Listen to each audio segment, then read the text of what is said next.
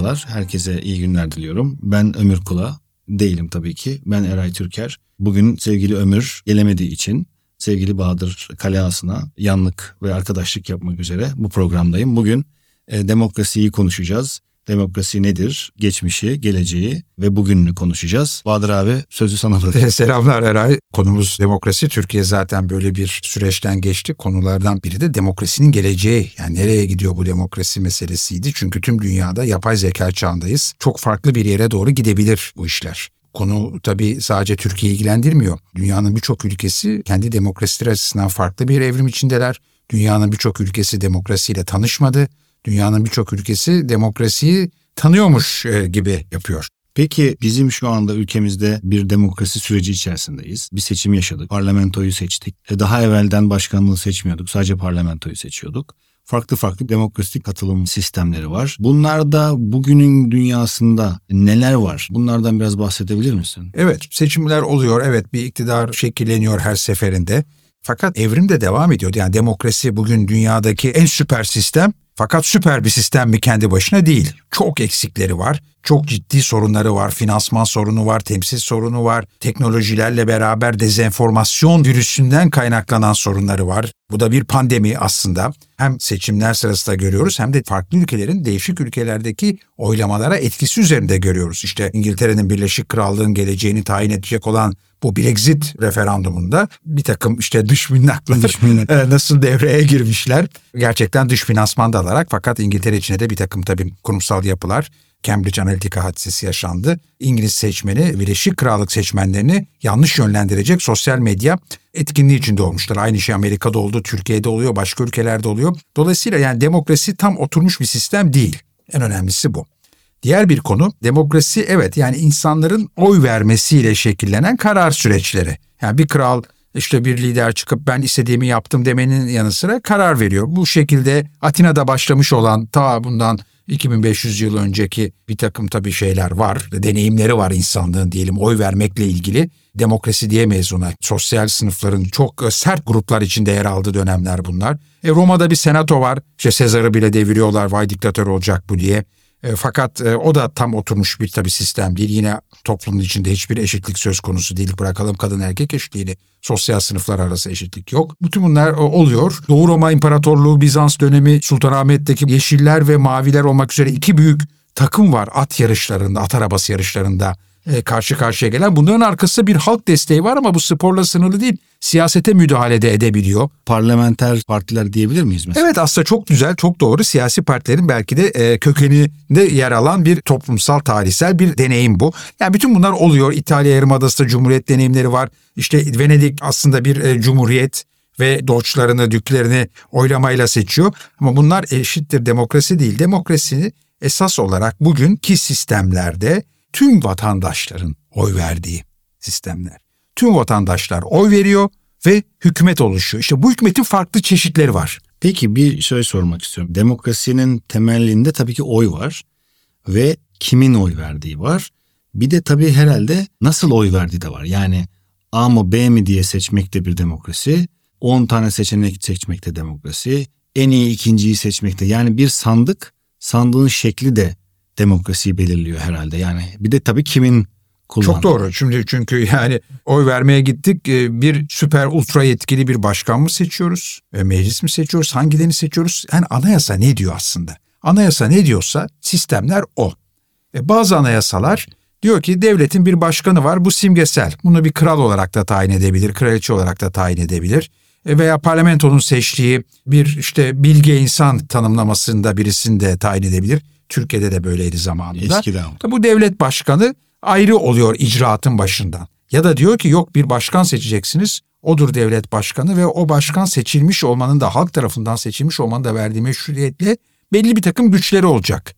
Ayrıca hükümet olur olmaz, parlamento olur olmaz.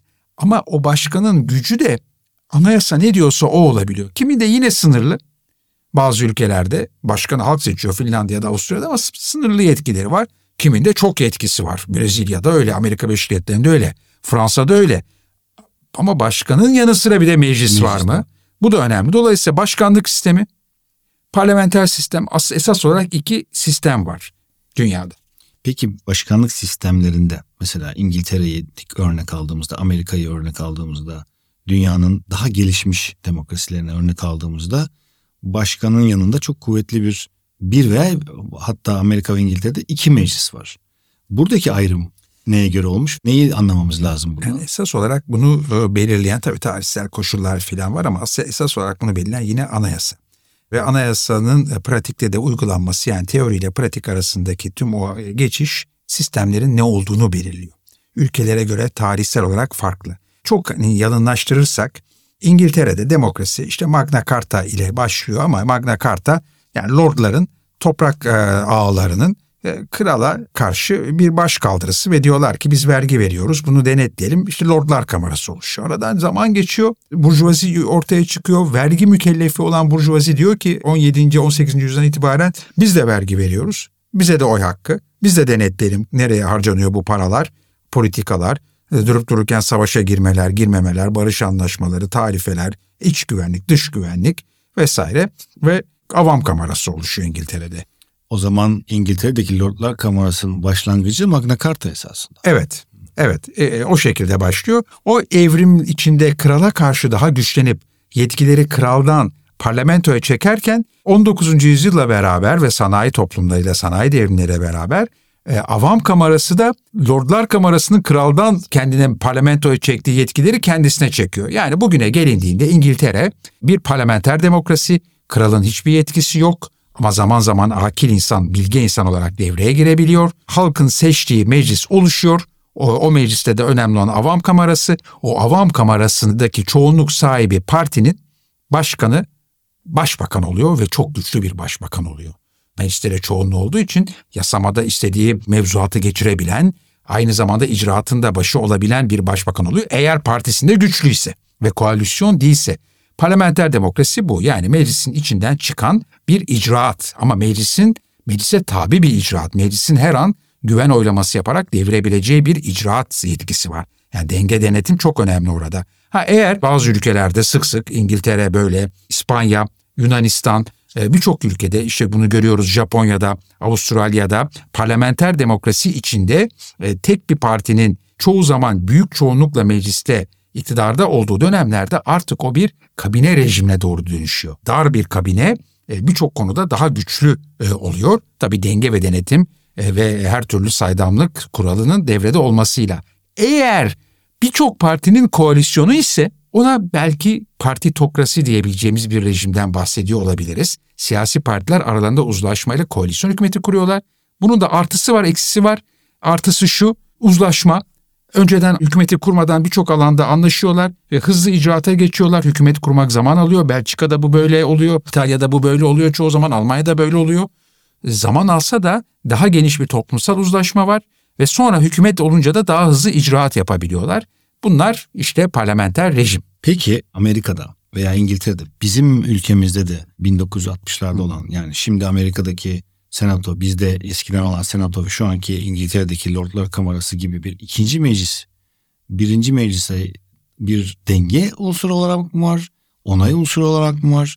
Neden böyle bir şeye ihtiyaç duyulmuş? Senato bir aşamada meclisin aldığı, ana meclisin, temsilciler meclisinin aldığı kararları dengeleyici bir katman olarak orada konulara biraz daha az partizan yaklaşabilir mi diye düşünüldüğü, tasarlandığı rejimler var. Türkiye 1980 Anayasası kadar öyleydi. Fakat en genel uygulama senato federal yapıda veya güçlü icraat e, sistemlerinde var. Çoğu zaman da nüfusa bağlı değil, nüfusun ötesinde topraksal, bölgesel, yerel hükümetlere veya eyaletlere bağlı bir e, siyasi gerçekliği temsil ediyor. Şimdi parlamenter rejimlerden konuştuk ama başkanlık rejimi örneğin Amerika Birleşik Devletleri'nde bunun en ilginç örneğidir. Çünkü Amerika Birleşik Devletleri'ndeki başkanlık rejimi aslında yani bir tek Amerika Birleşik Devletleri'nde var bu başkanlık rejiminin bu şekilde oturmuş demokrasi kültürüne dünyada işlediği. Bir takım Güney Amerika örnekleri var ve Asya'da bazı örnekleri görüyoruz. E, fakat yani köklü demokrasi olarak Amerika Birleşik Devletleri'ne has bir sistemden bahsediyoruz. Amerika Birleşik Devletleri bağımsızlığına gittiği zaman 18. yüzyılda koloniler diyorlar ki biz de vergi veriyoruz. Fakat güçlü de bir bölge oldu bu Kuzey Amerika. Şimdiki bugünkü Amerika Birleşik Devletleri'nin tüm doğu şeridinden bahsediyoruz, doğu kıyısından. E, lakin diyorlar vergi var temsil yok. O zaman bu olmaz. ayaklanıyorlar. Londra'dan yetki istiyorlar, temsillik istiyorlar. Londra işte büyük bir sömürge imparatorluğu o zaman Büyük Britanya Birleşik Krallık vermiyor bunu. Ayaklanıyorlar. George Washington arkadaşları daha fazla vergi mükellefleri olarak temsil istedikleri ayaklanmanın sonucunda Amerika Birleşik Devletleri bağımsızlık hareketi doğuyor. Ve Amerika Birleşik Devletleri bağımsız olarak kuruluyor. Fakat işte ilk e, anayasayı yapacaklar. Nereye bakacaklar? İngiltere'ye bakıyorlar tabii. İngiltere'de kim var? Kral var. Ve kraldan bağımsız olarak değişik topraksal varlıkları temsil eden ülkedeki Lordlar Kamerası var. Güçlü. E, daha bir üst düzey ama asıl yasamanın yükünü kaldıran ve seçim bölgelerindeki nüfusa bağlı olarak e, orantısal olarak e, oluşmuş olan seçilmiş olan avam kamerası var. İki kamera. Bu sistemi alıyorlar aşağı yukarı Amerika Birleşik Devletleri'ne uyarlıyorlar. Kral yerine yetkili bir kral ama çok yetkili değil bazı yetkileri işte İngiliz meclisinde, senatoda ve mecliste o kral yerine seçilmiş cumhurbaşkanı koyuyorlar. Yani seçildiği sürece ve görevde olduğu sürece İngiltere'nin o zamanki kralı gibi yetkili ultra yetkili değil ama yetkili. Fakat yasamada ondan bağımsız ve onu devirmeyen yani e, parlamenter sistemde ne oluyor? Hükümeti devirebiliyor meclis. Hükümet veya meclis hükümetten güven alıyor. alıyor. Yok Amerika'nın o sistemi İngiltere'deki o zaman her neyse sistem o tarihte o. Ona göre bir anayasal düzen kuruyorlar. İngiliz sistemi evrimine devam ediyor. Bugünkü parlamenter demokrasiye geliyor. Artık kralın yetkilerinin hiç olmadığı, e, Lordlar Kamerası'nın e, simgeselleştiği esas olarak ama Temsilciler Meclisi'nin ülkede asıl yasama olduğu ve icraatı içinden çıkarttı. Amerika Birleşik Devletleri ise o zamanki ilk 18. yüzyıldaki İngiltere sistemiyle güçlü bir başkan, kral gibi ama iki dönemde sınırlı ve güçlü bir meclis, kongre, kongrenin içinde güçlü bir senato, eyaletleri temsil ediyor. Her eyaletin nüfustan bağımsız ikişer tane senatörü var. Bir de meclis var. Mecliste ise temsilciler meclisinde ise eyaletlerden bağımsız olarak tüm seçim bölgelerinden nüfusu oranlı olarak partiler iktidarda olabiliyorlar ama yasamayla sınırlı. Yani sistemler karışık olabilir ama önemli olan iyi bir anayasa, açık bir anayasa, uzun olmayan bir metin, özgürlükleri vermeyen insanlara özgürlükleri güvence altına alan bir anayasa, özgürlüklerin teminatı olan toplumdaki her türlü özgürlüğün, etnik, kültürel, dinsel, cinsel, entelektüel her özgürlüğü güvence altına alan bir anayasa ki toplum ileriye gitsin. Özgür olmayan toplumlar çökerler veya ekonomileri de geriye gider. Sosyal olarak, kültürel olarak her alanda geriye giderler. Girişim dünyası olarak, bilim olarak, teknoloji olarak. Dolayısıyla anayasanın amacı ülkeyi ileri götürmek ise özgürlükleri teminat altına alan bir anayasa olmalı. Denge denetim olmalı. Yasama, icraat ve yargı arasında ve birbirinden bağımsız olmalılar hesap verebilir olmalı e, anayasal düzen ve yolsuzluklardan başlayarak her türlü hakkaniyetsiz atamaya, hakkaniyetsiz politikaya, zenginleşmeye karşı da sistem iyi olmalı. İyi işleyen bir sistem olmalı. Merkez Bankası bağımsız olmalı. İşte Anayasa Mahkemesi bağımsız olmalı. Bilmem rekabet kurulu bağımsız olmalı. Yani bütün e, kurullarıyla e, ya, bağımsız ve tarafsız ve iyi işleyen yargı sistemiyle adaleti oturtabilen e, bir anayasa olmalı. Esas mesele bu. Sistemin ne olduğu önemli değil. Çok güzel özetledin. Benim anladığım şu, temelinde temsil var ama işin merkezinde denge var, güçler dengesi var ve bunların ortasında da bu dengenin ve güçlerin birbiriyle olan ilişkisini sağlayacak adalet var. Kesinlikle. Bunun ötesinde artık bir başkan veya iki tane meclis, üç tane bilmem ne ne olursa olsun bunlar olmadığı sürece temelinde demokrasinin gelişmesi imkansız. Peki buradan şuna gelelim. Demokrasinin gelişimine dünyadaki, Hı. dünya tarihindeki gelişimine bir bakalım. Yani dünya tarihinde genelde şöyle bir şey var. İşte demokrasiler eski Yunan'da başlamıştır gibi. Bu herhalde esasında biraz basma kalıp bir yaklaşım. Nasıldır bunun gerçeği doğrusu? İşte gerçeği aslında biraz önce de konuştuğumuz gibi dünya toplumunun çeşitlenmesiyle başlıyor. Özellikle sanayi devrimleriyle başlıyor. Yani çok yalınlaştırırsak birinci sanayi devrimi 18. yüzyılın sonunda Fransız devrimiyle tetiklenmiş, tüm dünyaya yayılmış bir sosyal ekonomik dönüşüm dalgaları. Fransa'da e, burjuvazi diyor ki ben artık ticaret olarak hatta sanayileşiyoruz, vergi veriyoruz. Hani bize hak diyor, hani bize oy diyor. Aristokrasiyle devleti yöneten ve de e, toplumda etkili olan kilise buna karşı çıkınca burjuvazi halk kitlelerini de seferber ederek e, bir devrim yapıyor.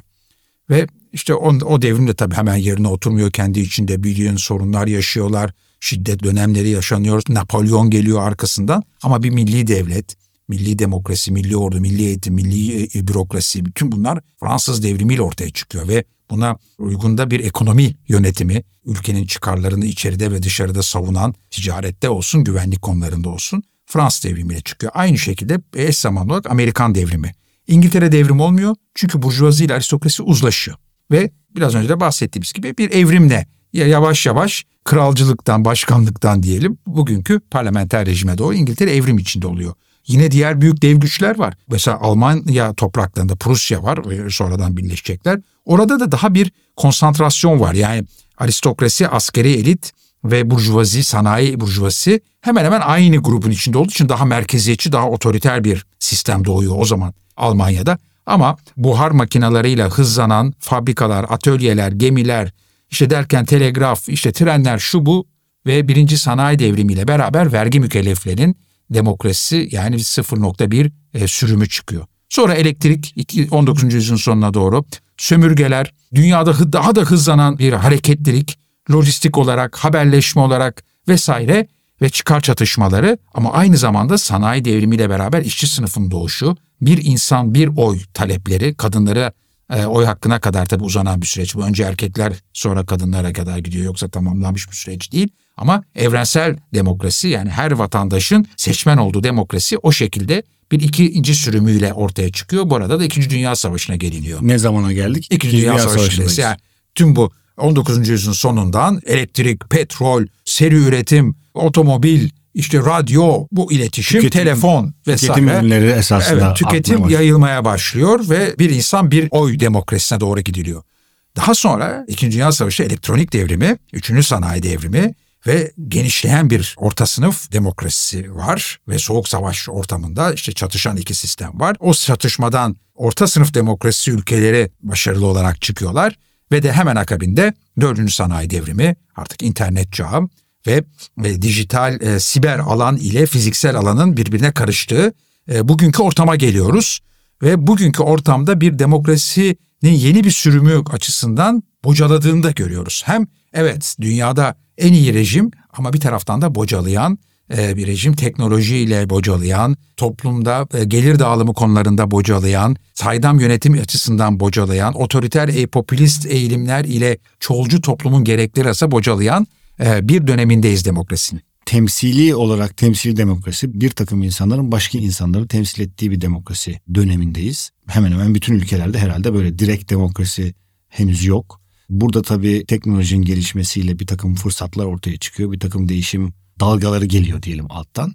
Bu bize önümüzde e, nasıl bir gelecek vaat ediyor? Demokratik toplumlar açısından insanların çünkü bu geçmişten gelen çok güzel yaptığın özette benim kafamda şöyle bir ampul yandı açıkçası. Toplumlar, bireyler geliştikçe, vergi ödedikçe, daha çok tüketici haline geldikçe yani bir olma halleri arttıkça demokratik talepleri de e, toplumsal kesimlerin artmaya başlıyor. Şimdi bugün geleceğe baktığımızda da önümüzde yapay zekayı görüyoruz. Teknolojinin insanın hayatına girmesini, bir telefonla istediği konuda fikir belirtmesini görüyoruz. Bu bize nasıl bir gelecek, nasıl bir demokrasi öngörmemize sağlıyor? Ne düşünelim? İki bir kere gerçek var. Birincisi mevcut demokrasi mevcut haliyle 21. yüzyılın toplumsal evrimine kesinlikle yanıt veremiyor ve bocalıyor.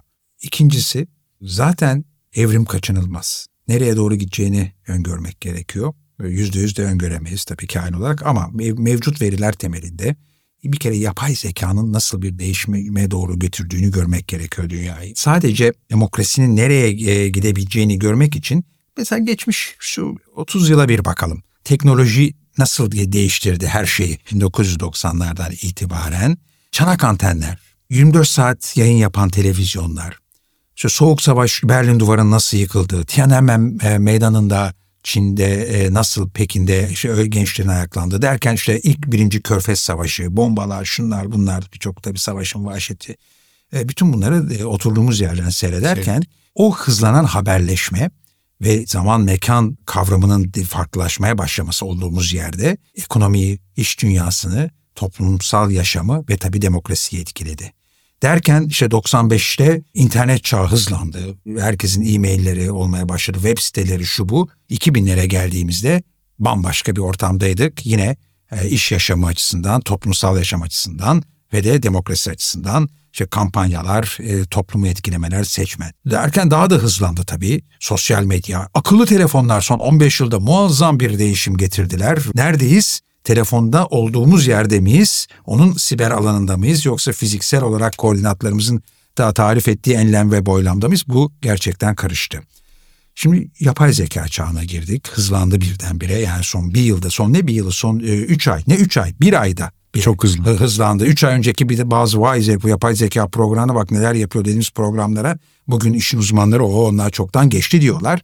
E, tabii ki yapay zeka da önümüzdeki beş yıl sonra ki seçimleri, iş yaşamını, toplumsal yaşamı çok farklı algıladığımız, yaşadığımız, konuştuğumuz ve de sonuçlarıyla e, beraber o zamandan itibaren ge- geleceği düşündüğümüz bir e, bizi zaman dilimine doğru götürüyor. Bundan dolayı nereye gidebilir bu bilmiyoruz. Fakat şu kesin ki teknoloji ile e, vatandaşlar kararlara daha doğrudan katılabilir. Yani bir demokrasi 5.0 sürümüne doğru sürülebilir kalkınma dünyasının yani 5.0 aslında bu yani demo, 4. sanayi devrimi ötesi bir toplum düşlemek.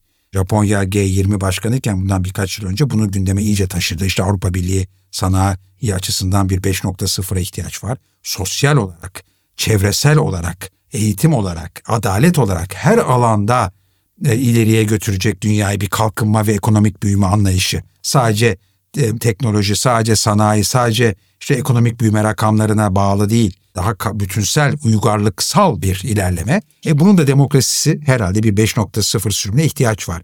Bu e, insanların kararlara katılımında işte ellerindeki cihazlarla cep telefonu mu olur? 5 yıl sonra başka cihazlar mı olur onu da bilmiyoruz ama kuantum e, bilgisayarları hızlanmış mı olur? Yapay zeka ile birleşince bambaşka bir yere mi götürür bizi onu da bilmiyoruz. Fakat bir şekilde alınan kararın etkisini daha iyi ölçebilmeliyiz. Çıkarlarımız açısından, siyasi veya sosyal kültürel değerlerimiz açısından daha iyi etki analizi yapabilmeliyiz. Daha iyi veri analizi yapabilmeliyiz. Doğruluğunun Evet, anahtar sözcük doğruluğunu ve her şeyden dezenformasyona karşı durabilmeliyiz. Ve de belki de yerel meclis mi, ulusal meclis mi, uluslararası bir karar mı doğrudan da o karar için bağlayıcı veya bağlayıcı olmayan artık her ne olacaksa görüş bildirebilmeliyiz ki sistem vatandaşları gerçekten daha iyi anlayabilsin, değerlendirebilsin. Yani bunu yapıyorken peki ya bütün bu sistem de hacklendiyse ya bütün bu sisteme de hakim olan merkezi bir yapı varsa işte onun için blok zincir de herhalde devreye girecektir. Merkeziyetsizleştirilmiş bir şekilde e, denge denetimin daha iyi olduğu bir şekilde işleyebilir gibi düşler var ama düşlerin de dayandığı umuyorum, diliyorum, sanıyorum çok temel veriler, bulgular, eğilimler mevcut. Çok teşekkür ediyorum. Çok güzel bir konuşma oldu. Çok faydalandım. Şunu söyleyebiliriz herhalde. Teknolojik gelişmelerin sonrasında dünyanın nüfusunun artmasıyla, iklim değişikliği, bir takım huzursuzluklar, ulus devletlerin belki artık yetersiz kalması, büyük bir değişimin sanki başlarındayız gibi bir hissiyat edindim açıkçası konuşmandan. E, çok teşekkür ediyorum. Her zaman büyük keyifle çok teşekkürler, çok sevgiler.